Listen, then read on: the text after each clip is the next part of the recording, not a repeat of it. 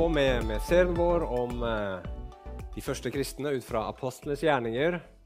Overskriften er 'Ekte tro'. Vi, eh, vi vil ha det som er ekte. Og hvis du hadde spørsmål om eh, rett og galt, hvem ville du da mest lytta til? Moder Teresa eller Kim Jong-un? Eller hvis du var alvorlig syk, hvem ville du da lytta til? Ville du gått og lytta til en dyktig og erfaren lege eller en viss berømt sjaman? Og når det gjelder ditt eget liv, altså hvem ville du da lytta til? Vil du heller lytte til Gud selv eller til ditt eget hjerte og hode? Jeg anbefaler Gud. Eh, og I dag i den serien som vi har, da, Ekte tro, hvor vi tar utgangspunkt i de første kristnes eh, tro, sånn som vi finner den i apostlenes gjerninger, og ser på dem som et eksempel, så skal vi i dag ta for oss et tema som vi alle sammen elsker, nemlig lydighet. Eh, og vi kan nok si at den første kristne kirke de første kristne var til en stor grad en lydig gruppe kristne. Det var en lydig menighet. Ikke alltid og i alt, det skal vi komme tilbake til, men i utgangspunktet så var de det. Og Hva er det vi kan lære av de første kristne om lydighet? Og Jeg har som vanlig da mine tre punkter. Det første er at lydighet ikke er valgfritt. Så lydighet er ikke valgfritt. Nummer to lydighet er noe godt. Og nummer tre at lydighet faktisk er en gave. Så lydighet er ikke valgfritt. Lydighet er noe godt og lydighet er en gave. Og For å se på dette her, så går vi sammen til Apostlenes gjerninger, kapittel 5. Har du Bibel, så slå gjerne opp der. Nå skal vi lese noen vers derfra, vers 12 til og med 32. Apostlenes gjerninger 5, vers 12 til 32. Der står det.: Ved apostlenes hender ble mange tegn og under gjort i folket. Alle holdt trofast sammen i Salomos søylehall. Stadig flere trodde på Herren og ble lagt til dem, både menn og kvinner i stort antall. De bar også syke ut på gatene og la dem på senger og bårer, for at i det minste skyggen av Peter kunne falle på noen av dem når han gikk forbi. Det kom også mye folk fra byene rundt Jerusalem. De bar med seg syke og folk som var plaget av urene ånder, og alle ble helbredet. Da grep øverstepresten inn, han og alle som var på hans side, nemlig sadukerpartiet. De ble fylt av brennende harme, pågrep apostlene og kastet dem i byfengselet. Men en engel fra Herren åpnet fengselsportene om natten, førte dem ut og sa:" Gå og still dere på tempelplassen, og la folket få høre hele dette budskapet om livet. Fordi de hadde hørt disse ordene, gikk de til tempelet tidlig neste morgen og underviste. Imens kalte øverstepresten og hans tilhengere sammen rådet, hele Israels eldsteråd. Så sendte de bud til fengselet for å hente apostlene. Men da vaktene kom, fant de dem ikke der.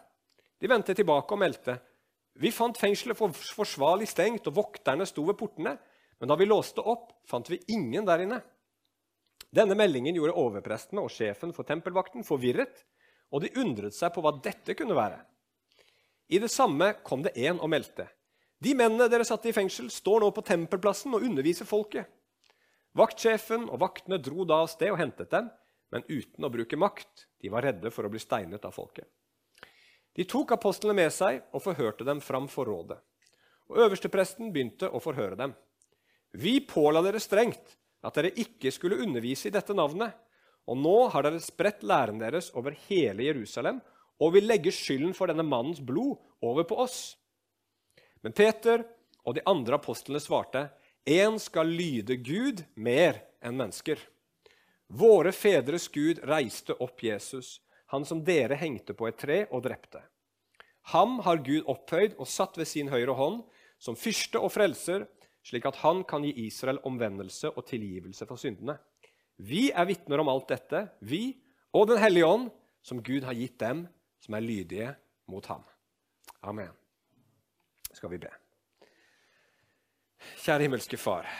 Herre, vi ønsker å, å, lytte til ditt ord i dag. Herre, jeg ønsker å formidle det på en god måte og på en rett måte. Og jeg ønsker også å formidle det eh, slik at du får gjøre det du vil gjennom det i våre liv, Herre. Helligånd, jeg trenger deg nå til å formidle. Vi trenger deg alle, Helligånd, til å forstå. Herre, kan du bare puste ditt liv på ordet? Kan du fylle meg og fylle oss med din kraft? Herre, kan du komme åpenbaringsånd over oss nå, Herre, slik at det vi hører, Herre, ikke bare blir teori for oss, men at det begynner å vekke noe i hjertene våre, at noe våkner, at vi ser noe, at en glede og en villighet kan fylle oss, Herre, slik at vi ønsker å lyde deg, Herre, og følge deg der hvor du kaller oss. Herre Jesu navn, vi ber om din hjelp nå. Amen. Ok, Det første som slår meg i den historien som vi nettopp uh, leste, det er apostlenes lydighet.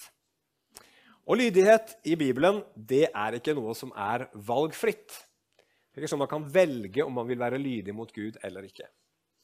Og så er jo spørsmålet hva er lydighet, da? Og Lydighet det får vi et veldig godt eksempel på i teksten som vi nettopp leste. Eh, apostlene de var veldig frimodige. De var ute og fortalte mennesker om Jesus. Og mennesker ble frelst, de ba for syke, de ble helbreda. Og det var masse bra som skjedde. Men dette her provoserte da eh, de øverste lederne i Israel, så de satte dem i fengsel.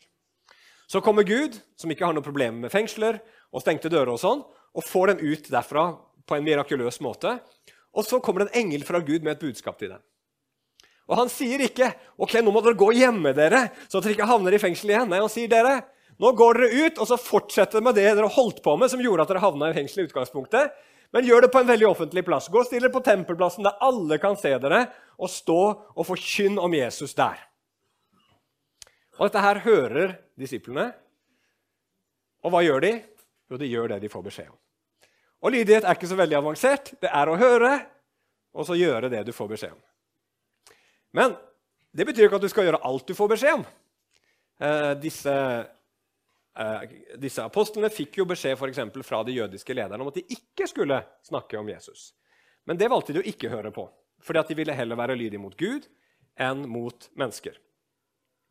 Så det kommer altså an på hvem som gir deg en befaling. Du skal ikke være lydig mot alle som sier at du skal gjøre noe, men du skal være lydig mot Gud, og så skal du være lydig mot de som Gud har gitt en eller annen form for autoritet i samfunnet, sånn at du skal lytte til dem. F.eks. politimenn. De skal man i utgangspunktet lytte til så lenge de ikke sier noe som går mot det Gud har sagt. Da. Og Lydighet det er noe som vi finner mange mange steder i Bibelen. Det går igjen, f.eks. i Det gamle testamentet, eh, i 2. Mosebok kapittel 19, vers 6 5 og 6 så sier eh, Gud til israelsfolket rett før han gir dem de ti bud, så sier han følgende.: Hvis dere adlyder min røst og holder min pakt, skal dere være min dyrebare eiendom framfor alle andre folk, for hele jorden er min. Dere skal være et kongerike av prester og et hellig folk for meg. Så her lover Gud til israelsfolket at hvis de lyder hans røst, hvis de hører på han, så skal han velsigne dem de skal få være hans eiendom uh, framfor alle andre. De skal få lov til å være et hellig folk for Gud. Så her er det lydighet det handler om. Men vi finner også lydighet i Det nye testamentet. Et eksempel på det finner vi i Matteus kapittel 7, vers 24-27. Og Der sier Jesus følgende.: Vær den som hører disse mine ord, og gjør det de sier, ligner en klok mann som bygde huset sitt på fjell. Regnet styrtet, elvene flommet, og vindene blåste og slo mot huset, men det falt ikke, for det var bygd på fjell. Det er lydighet. Og så vær den som hører disse mine ord, og ikke gjør det de sier, ligner en uforstandig mann som bygde huset sitt på sand. Regnet styrtet, elvene flommet, og vindene blåste og slo mot huset. Da falt det, og fallet var stort. Dette her handler ikke om husbygging, det skjønner vi. Dette her handler om livene våre. Og hvordan det går med ditt og mitt liv, sier Bibelen, avhenger av vår lydighet mot Jesu ord, som vi hører. Så lydighet er med andre ord ikke noe valgfritt, som jeg har sagt allerede. Men så er det veldig mange som syns at lydighet er et vanskelig ord. Og det har med å gjøre bl.a at det står i motsetning til noe som vi i vårt samfunn er veldig opptatt av, nemlig frihet. Lydighet det krasjer ofte med frihet, Og frihet er en viktig verdi for oss i dag. Og Derfor er det sånn at den åndeligheten som er ofte populær Mange mennesker er åndelig søkende i dag, og de vil veldig gjerne ha en type åndelighet som eh, lover deg indre eller ytre velvære, som lover deg suksess og framgang i livet. Eh, men de vil helst ha en åndelighet som sier minst mulig om hvordan du moralsk skal te deg i livet. Fordi man vil være fri. Men så må vi stille oss spørsmålet vil vi virkelig ha et samfunn hvor frihet får trumfe over lydighet. Vil vi ha et samfunn hvor frihet er den høyeste verdien, sånn at lydighet ikke alltid, eller ikke er så viktig? La meg ta noen eksempler. Mord for eksempel, det er forbudt ifølge norsk lov. Syns dere folk burde være lydige mot den loven? Det tror jeg hadde vært en stor fordel for oss alle sammen. Det er også forbudt med bedrageri. Eh, Syns du vi heller skal gi mennesker frihet til å lure og utnytte andre mennesker enn å kreve at folk er lydige mot den loven? Eh, hvis folk ikke var lydige mot trafikkreglene, så hadde det vært veldig spennende å være ute og kjøre på veien. Da hadde det vært fryktelig skummelt eller veldig spennende om du vil, å reise for fra Nærbø til Forus for å kjøpe seg et lite skap på Ikea. Da er det liksom med livet som innsats du får det der skapet. Så det er jo egentlig ikke sånn at lydighet er et veldig stort problem for oss. Vi vil gjerne selv være lydige, spesielt at andre er lydige, så lenge det er gode lover vi er lydige mot. ikke sant? Så hvorfor i all verden, da, hvis vi er innstilt på å være lydige og vet at lydighet er bra, er vi da så negativt innstilt til lydighet mot Gud? Hvorfor protesterer det i oss når noen står på en talerstol og sier du må være lydig mot Gud? Og det har veldig enkelt sagt å gjøre med at du og jeg ikke stoler på Gud innerst inne. Vi stoler ikke på at han er helt kompetent, at han vet helt hva han snakker om. Og vi stoler heller ikke på at han er tvers igjennom god. At de bud og de ting han sier, faktisk kommer fra et godt hjerte. Og når vi ikke stoler på Gud, så blir lydighet vanskelig. Men dere, Vi har allerede sett det, men la oss gå enda dypere inn i det. Lydighet er virkelig noe som er godt. Lydighet er viktig for Gud fordi lydighet det gir god frukt. Det er godt for mennesker, og det ærer Gud med lydighet. Og Den teksten vi nettopp leste, leste, gir et veldig, veldig godt eksempel på at lydighet gir god frukt. Det vi, det vi leser i teksten, var at det var vekkelse i Jerusalem. Mange mennesker kom til tro.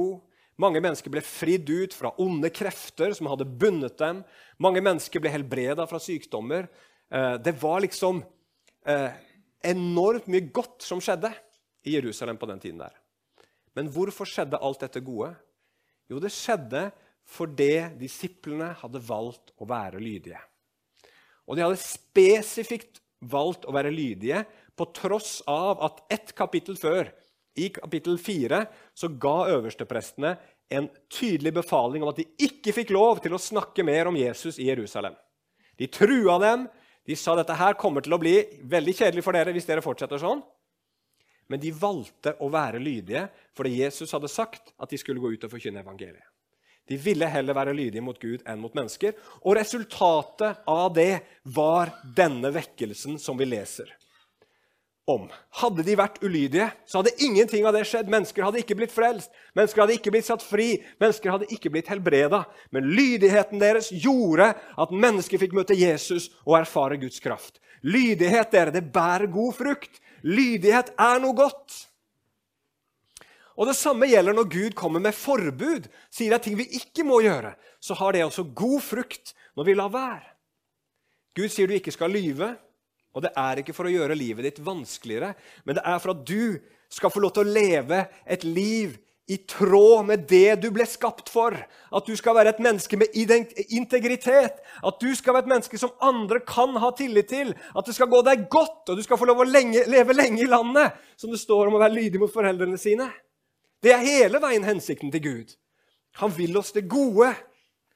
Og så er det også sånn at hvis du snakker sant, så blir ikke bare ditt liv noen hakk bedre, men det går bedre for andre mennesker òg. Verden blir et litt bedre sted hvis du er sannferdig. Hjemme i vårt hus så har vi en regel. Det er en uskreven regel. Jeg har sikkert aldri sagt det, men alle sammen i huset vårt vet at sånn er det. Og den regelen er at vi tenner bare på ved inne i vedovnen.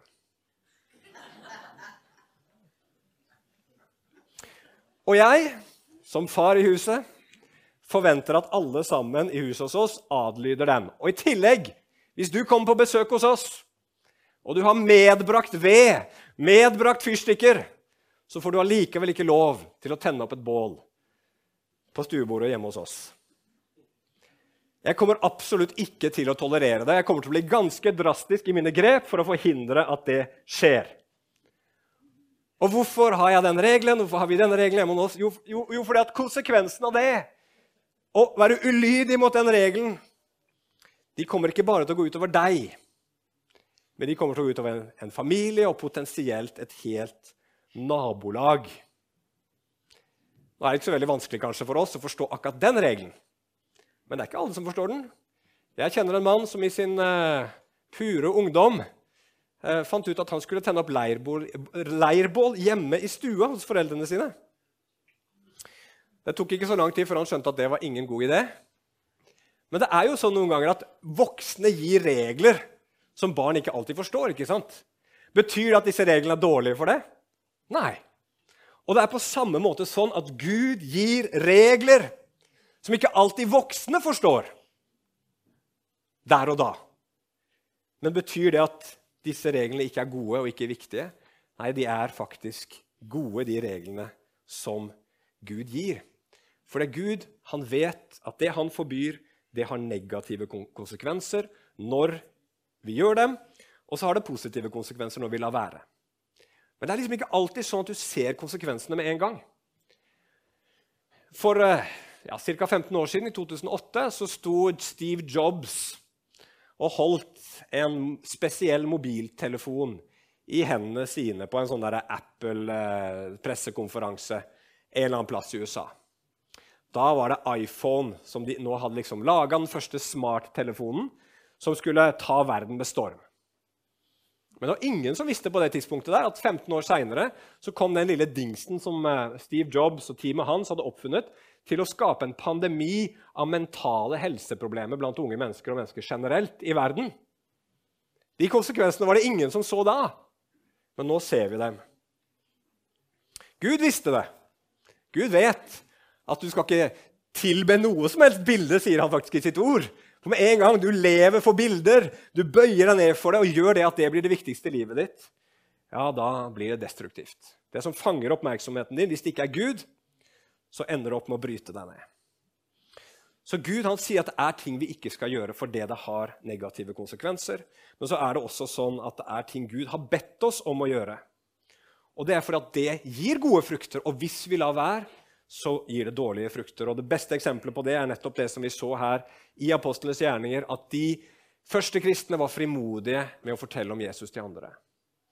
Og Gjør du det, så har det gode konsekvenser. Det gir mennesket mulighet til å finne Jesus, til å bli frelst, til å få evig liv, til å, få, til å bli et Guds barn, til å for alltid være sammen med Gud.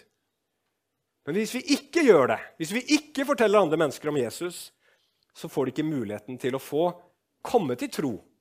For Bibelen sier at tro kommer av forkynnelsen.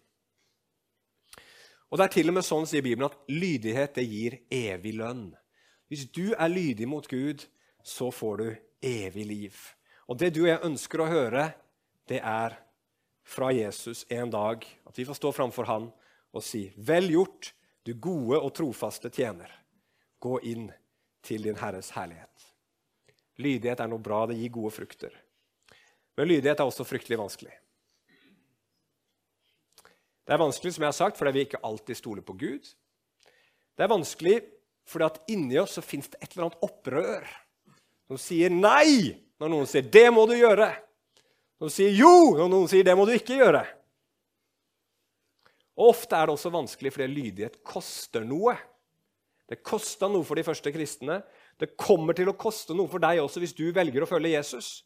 Og det kan til og med, sånn som det gjorde for de første kristne, koste deg hele livet ditt. Og så er det også sånn at ulydighet, sier Bibelen, hvis vi velger den veien, så fører det til evig fortapelse.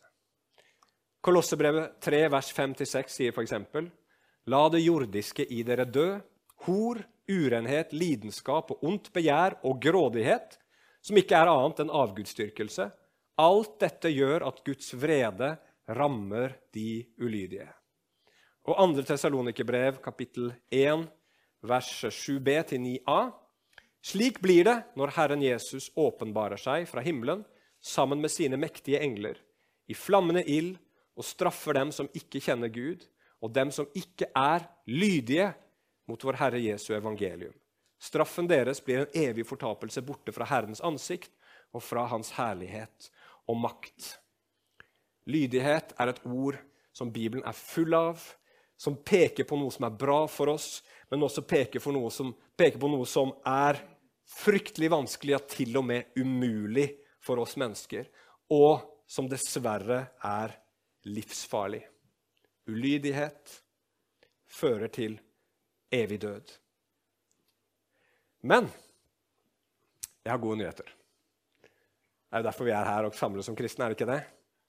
Vi har gode nyheter. Og gode, de gode nyhetene er at lydighet, det vi trenger, det er en gave fra Gud som han ønsker å gi oss. Og hva mener jeg med det? Jo, Nå skal vi lese igjen de siste versene vi leste i stad i begynnelsen. Apostlenes gjerninger, kapittel 5, vers 30 til 32. Der sier, følge, der sier Peter følgende.: Våre fedres Gud reiste opp Jesus, han som dere hengte på et tre og drepte.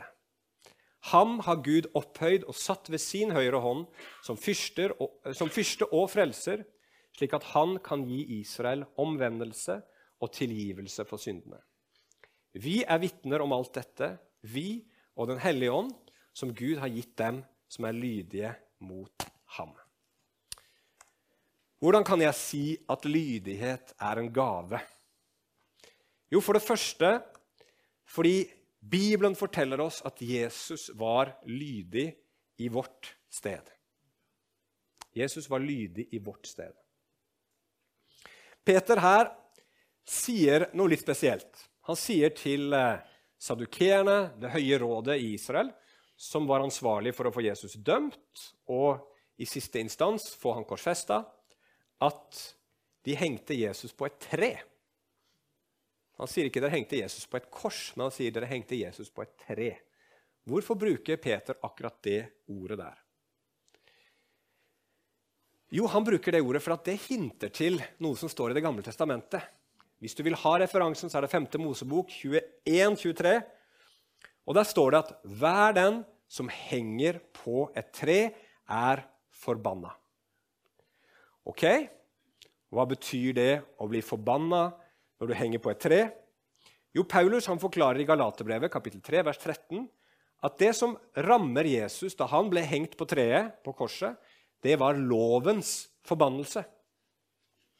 Og hva er lovens forbannelse? Jo, det er den straff, den forbannelse, som rammer de mennesker som er ulydige mot Guds lov. Så Jesus død på et kors blir ramma av en forbannelse som er den forbannelsen som de som er ulydige mot Guds lov, fortjener. Men Jesus, da? Hadde han vært ulydig? Nei, Jesus han endte opp på det korset av helt motsatt grunn. Jesus endte opp på det korset fordi han var lydig. Filipperne 2,8 sier at Jesus han ble lydig til døden på korset. Han var lydig mot Gud, som sendte han ifra himmelen ned til jorda for å gå den lange veien til korset, for å dø der som et syndoffer for vår ulydighet. Han som var fullstendig lydig, gikk i døden for oss som var ulydige. Han som fortjente velsignelse pga. sin lydighet, han som fortjente en evighet med Gud pga. sin lydighet mot Gud, han ble dømt som en ulydig synder imot Gud. Og det gjorde han, sier Bibelen, for å kunne gi oss tilgivelse. Han ble straffa for deg, sånn at du kunne få tilgivelse. Han ble straffa for din ulydighet, sånn at du kunne stå rettferdig for Gud hvis du tror på han, hvis du stoler på han. Jesus vant lydighet for deg. Han levde det lydige livet du ikke klarte å leve, for deg. Betalte straffen for din ulydighet, sånn at du som tror på han, kan stå framfor Gud som om du var lydig. Gud erklærer deg lydig, eller som Bibelen sier, Gud erklærer deg rettferdig. Det er litt gode nyheter, er det ikke det? Altså For oss som ikke har fått det så bra til, så er det utrolig bra å vite at Bibelen sier at Gud ser på oss i Kristus og sier han, han eller hun er lydig. For du er kledd i Kristus. Men det er mer. Lydighet er en gave fordi Gud gjør lydighet mulig. Han gjør det mulig for deg å være lydig mot ham. Eh, jeg vet ikke om du la merke til det i teksten vi nettopp leste, men det står Peter sier at Jesus han, han døde og sto opp igjen for å gi tilgivelse og for å gi omvendelse til Israel. Altså for å gi dem omvendelse. Det står ikke for å kalle til omvendelse eller for å liksom oppfordre til omvendelse eller til å befale omvendelse. Men det står at Gud gir oss omvendelse. Gud gir muligheten til å vende om fra sin synd og være lydig mot Gud.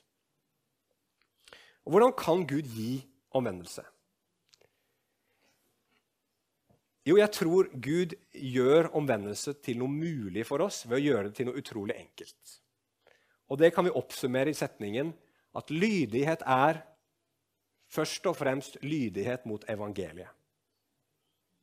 Hvis dere la merke til det da jeg leste i 1. Tessaloniker kapittel 1 og vers 9, så står det at de som går fortapt, de gjør det fordi de ikke er lydige mot evangeliet. Og her, i aller siste verset i Apostlenes gjerninger 532, så står det også at Gud gir Den hellige ånd til de som er lydige mot Han. Hvordan får du Den hellige ånd? Jo, du får bare Den hellige ånd ifølge Bibelen ved å tro på evangeliet.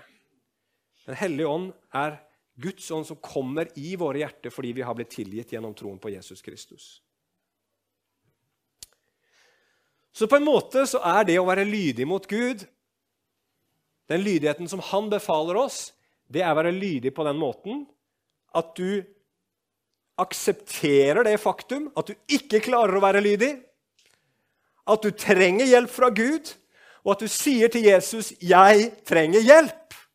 Lydighet på grunn av Jesus har blitt redusert til et veldig veldig enkelt prinsipp. Og det er å kunne si ett eneste ord som alle mennesker kan si, og det er ordet 'hjelp'. Skal du være lydig mot Gud og få den frelse som Han vil gi deg, så må du se på Jesus, og så må du si 'Hjelp, Jesus'. Hjelp, jeg trenger deg. Hjelp, kom og redd meg fra min ulydighet. Og i det øyeblikket du sier hjelp til Jesus, så kommer Jesus og hjelper. Og gjør deg rettferdig framfor Gud, sånn som vi akkurat snakka om. Du blir kledd i hans rettferdighet. Du står framfor Gud som om du alltid skulle ha vært lydig. Og i tillegg til det så gjør Gud en forskjell på innsiden av deg og gjør deg lydig av hjertet. I Romerbrevet 6 og vers 17 så står det.: Men Gud være takk. Dere som før var syndens slaver, er nå av hjertet blitt lydige mot den lære som dere ble overgitt til. Når du blir en kristen, så får du både kraft til å være lydig, og du får en grunn til å være lydig. Og hva er kraften som hjelper oss til å være lydig? Hva er liksom motoren som på innsiden av deg gjør det mulig for deg å stå imot din syndige natur, som kjemper mot det som er godt og rett og sant? Jo, motoren som du får på innsiden, det er Den hellige ånd.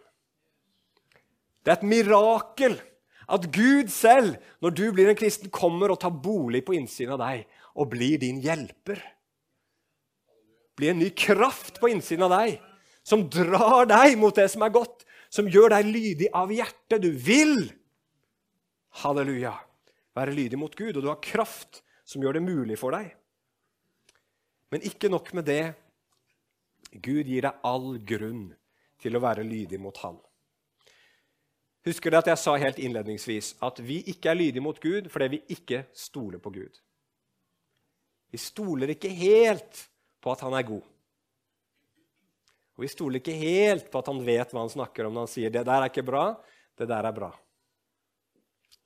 Men hvis du tar imot Jesus, som valgte å gå til et kors for din skyld, som valgte å ta på seg en forbannelse så mørk, så smertefull, så krevende, så vond, så stygg, så fæl for din skyld, så du skulle slippe, fordi han elska deg.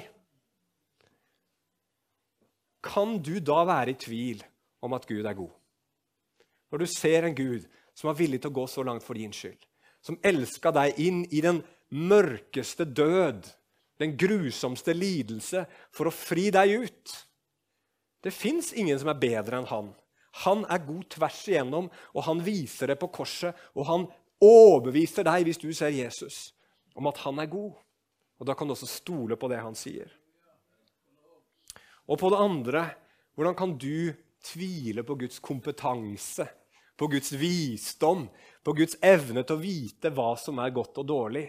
Når han på korset demonstrerer sin visdom gjennom at han klarer å overvinne vårt største problem, eller våre største problemer, synden, djevelen og døden, ved å gå selv inn i døden og ta alt sammen på seg.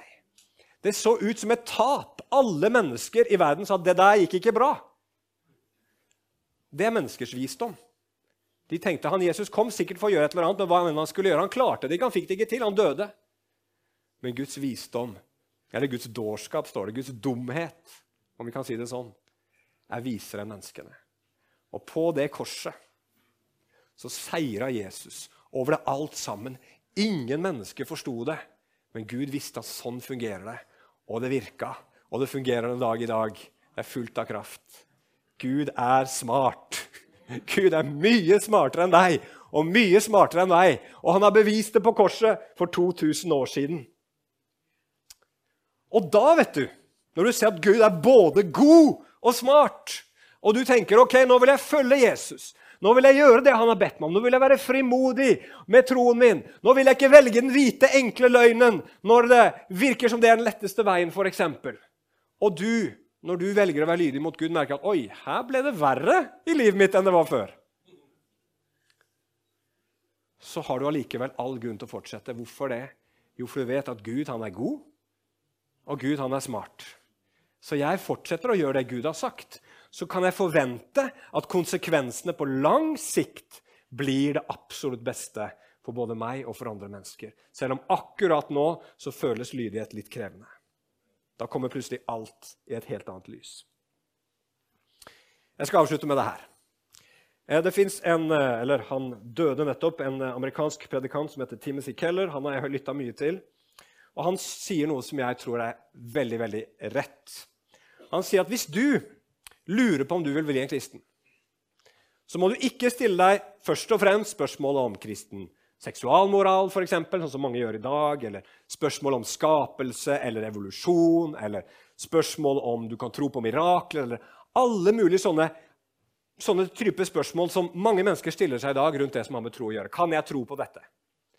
Det spørsmålet du trenger å stille deg, er spørsmålet hvem er Jesus?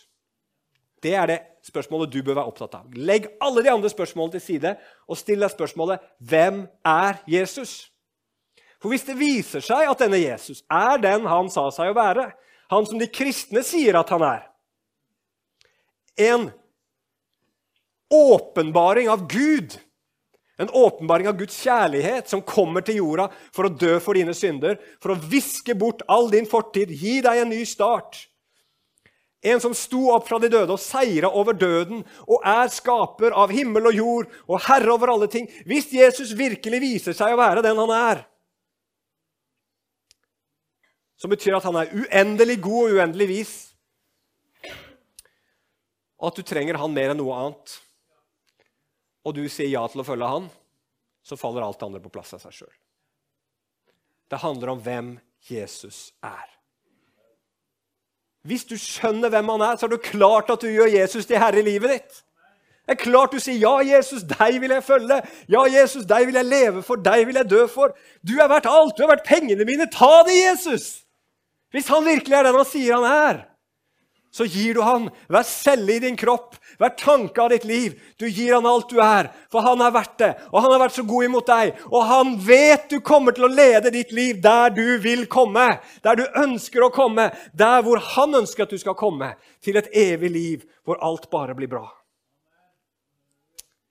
Og Disiplene de sa det når, når eh, øversteprestene trua dem og sa at dette her, dette her får dere ikke lov å fortsette med. Slutt med det Jesus-greiene!